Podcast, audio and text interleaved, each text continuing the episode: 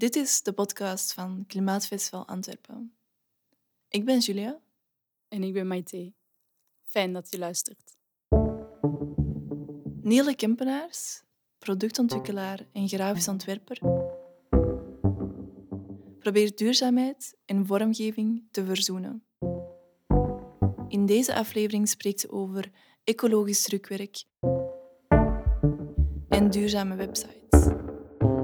Maar hoe begin je hieraan? Hoe breng je als ontwerper meer duurzaamheid in je creatieve praktijk? Hoe vraag je als klant naar ecologische producten? En wat is duurzamer? Een website bouwen? Of duizend posters drukken?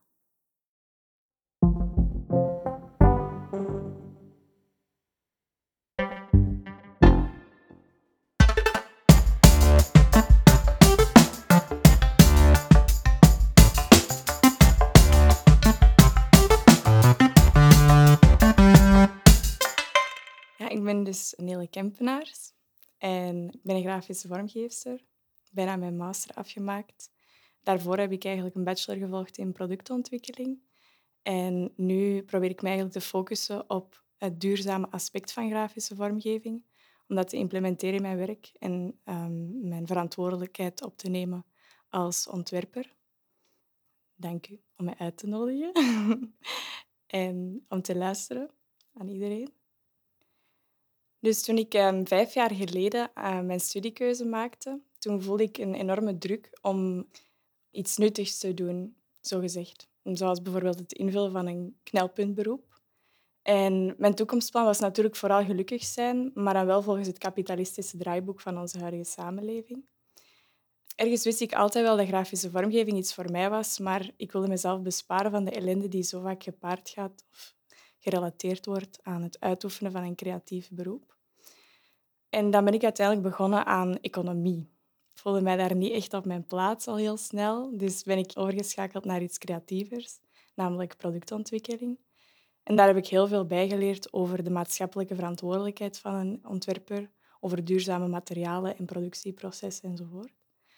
Um, en dan ben ik uiteindelijk op een uitwisselingsprogramma gegaan in Barcelona, waar ik meer vak in grafische vormgeving heb opgenomen. En heb ik uiteindelijk besloten om daar ook in verder te gaan en daar een master in te volgen. Die combinatie van die drie ervaringen heeft mij eigenlijk geleerd dat ik dat begrip nuttig beroep anders wou invullen voor mezelf. En dat ik mij wou laten leiden door die interesse die ik had in grafische vormgeving. Maar daarbij ook mijn verantwoordelijkheid als grafische vormgever wou opnemen.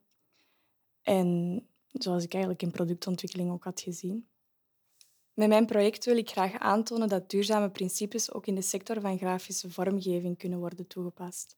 Dat is omdat ik daar specifiek interesse voor heb, maar uiteraard kunnen die principes in elke sector kunnen worden toegepast. En ga ik nu een beetje vertellen specifiek over die principes in de grafische vormgeving.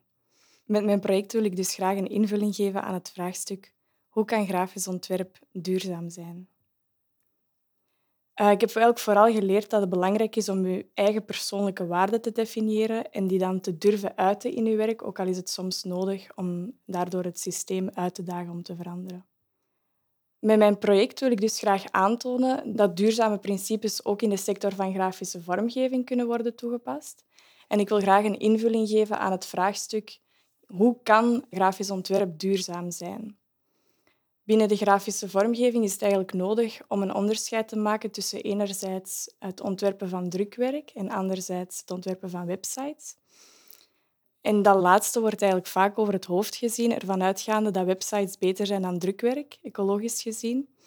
Uh, maar het is belangrijk om te weten dat al die online data ook in fysieke datacenters wordt opgeslagen en dat die enorm veel energie verbruiken. En op die manier heeft eigenlijk elke zoekopdracht, scroll, klik, upload of download een CO2-uitstoot.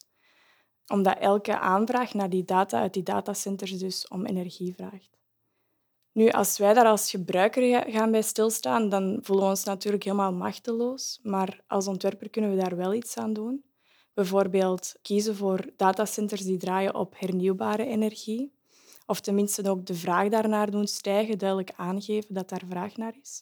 Omdat er nu eigenlijk maar 3 tot 15 procent van de websites draaien op hernieuwbare energie, terwijl dat de uitstoot van het hele internet groter is dan die van de volledige luchtvaartindustrie. Dus hier is er duidelijk een nood aan een transitie naar een duurzamer proces. We kunnen natuurlijk ook minimaliseren door de data die we opslagen in die online datacenters te beperken. En we kunnen ook de gebruikerservaring aanpakken, want hoe gebruiksvriendelijker onze website, hoe gemakkelijker de gebruiker zijn weg vindt en hoe minder kliks er nodig zijn enzovoort. En dus ook hoe minder uitstoot. Als het dan gaat om drukwerk, dan denk ik dat iedereen zich er wel bewust van is dat gerecycleerd papier een goede optie is. Maar er zijn ook andere opties, zoals bijvoorbeeld boomvrij papier gebruiken. Er zijn heel veel planten waarvan papier kunnen gemaakt worden. En een optie met veel potentieel volgens mij is papier gemaakt van landbouwafval bijvoorbeeld. Dan weer not done eerder is metaalachtig papier of fluorescerend papier, omdat dat vaak giftige en zware metalen bevat en dus volledig onrecycleerbaar is. Terwijl het voordeel van papier net is dat het wel recycleerbaar is.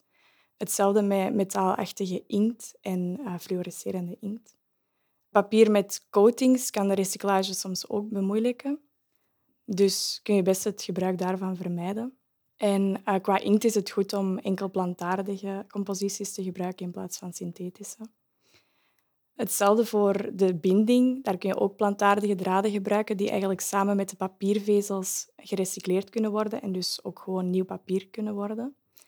Een andere mogelijkheid voor binden zijn nietjes en metalen ringen omdat die via magneten ook kunnen gescheiden worden van het papier en apart kunnen gerecycleerd worden. Dus eigenlijk zou het nog beter zijn mocht je nietjes en metalen ringen gebruiken van reeds gerecycleerd metaal. Qua binding, lijm is dan weer giftig, meestal, en kan de recyclage ook bemoeilijken. Uh, meestal is die ook niet vervaardigd uit hernieuwbare bronnen. Dus ofwel moet je je daar goed over informeren, ofwel best vermijden. En dan tenslotte ook gewoon voor een lokale drukkerij best kiezen met een efficiënt energiegebruik, omdat hun energie eigenlijk hun grootste impact is. Het principe van minimalisatie kan hier natuurlijk ook worden toegepast. Minder papier en minder inktgebruik is altijd goed. Bij het maken van gekleurd papier bijvoorbeeld is er ook wel inkt nodig, maar veel minder dan bijvoorbeeld een wit papier volledig inkleuren. Klinkt wel logisch, maar gebeurt wel nog vaker dan je denkt. Ook het papierformaat doet er heel veel toe. Die keuze van de ontwerper kan eigenlijk enorm beïnvloeden hoeveel afval er ontstaat. Als je voor standaardformaten kiest, valt dat best nog mee. Maar van, zodra dat je een beetje gaat afwijken daarvan, kun je eigenlijk enorm veel papierverspilling teweegbrengen, omdat het papier wordt afgesneden en die resten worden dan ook gewoon niet meer gebruikt. Dus het is best om ofwel hier goed na te gaan hoe je dat kunt vermijden, ofwel ook aan dat afval een nuttige invulling te geven. Ook de gebruikerservaring is hier relevant. Het is altijd goed om jezelf de vraag te stellen, wat kun je als ontwerper doen om meer waarde te creëren voor je drukwerk? En op die manier eigenlijk voor te zorgen dat de gebruiker het niet vroegtijdig als afval zal bestempelen. Nu, maar waar moet je dan als grafisch ontwerper beginnen om al die duurzame principes toe te passen? Eerst en vooral is het belangrijk om jezelf te blijven informeren. Het is moeilijk om de goede informatiebronnen hierover te vinden, maar ik deel met plezier alles wat ik vind. En bij deze ook een oproep aan alle opleidingen grafisch ontwerp in Vlaanderen om hier meer aandacht aan te besteden.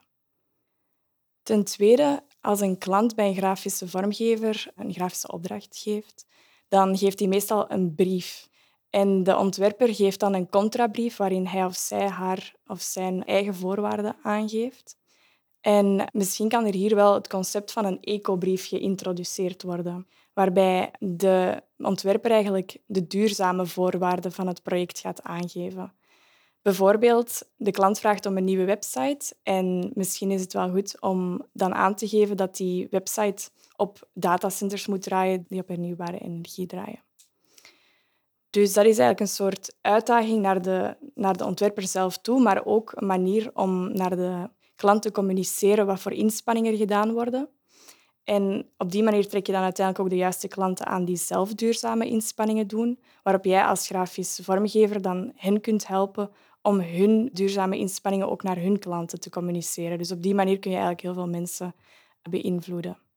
Dan als laatste is het ook heel belangrijk om vragen te durven stellen en nauw samen te werken met alle betrokkenen.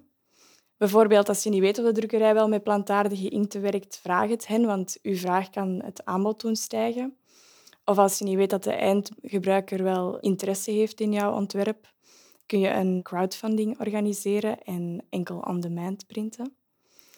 En volgens mij is het belangrijkste vooral transparantie, waarin dat je zelf ook het goede voorbeeld moet geven. Eerlijk zijn over de inspanningen doet en waar je nog kunt verbeteren. Want het is een continu imperfect proces dat steeds vraagt om reflectie en iteratie, maar dat maakt het volgens mij net zo interessant. Binnen elke sector moet er volgens mij gekeken worden tijdens deze klimaatcrisis waar de pijnpunten en opportuniteiten zijn op vlak van duurzaamheid. En grafische vormgeving is er daar één van. Eh, zoals ik al eerder aanhaalde, is het belangrijk om je eigen persoonlijke waarden te definiëren en die dan toe te passen in welke sector dat je dan ook werkt. Een kleine disclaimer wel. Ik heb zelf nog weinig ervaring met grote grafische projecten. Hopelijk in de toekomst wel. Uh, dus ik heb nog wel veel te leren, maar ik denk dat het belangrijk is om daar al vanaf het begin mee bezig te zijn met duurzaamheid. En het idee is om mijn kennis hier ook voortdurend over uit te breiden. En ik hoop dat we als grafische vormgevers hierin elkaar ook kunnen ondersteunen. Als laatste wil ik ook nog eventjes toevoegen dat ik iedereen wil aansporen om binnen zijn of haar sector ook te kijken waar er verbeteringen kunnen worden toegepast. En ik hoop dat jullie ook genot hebben van een beetje weten hoe dat het zit in de grafische vormgevingssector. Maar ja, bij deze aansporing om, om daar zelf ook bewust mee om te springen en niet te zeggen dat dat niet een probleem is dat kan toegepast worden op je eigen sector. Want grafische vormgeving is ook al geen evidente sector om duurzaamheidsprincipes eh, op toe te passen, maar het is al niet minst superbelangrijk. Zeker in een creatieve sector, volgens mij, is het ook wel heel belangrijk om, om stil te staan bij de impact daarvan.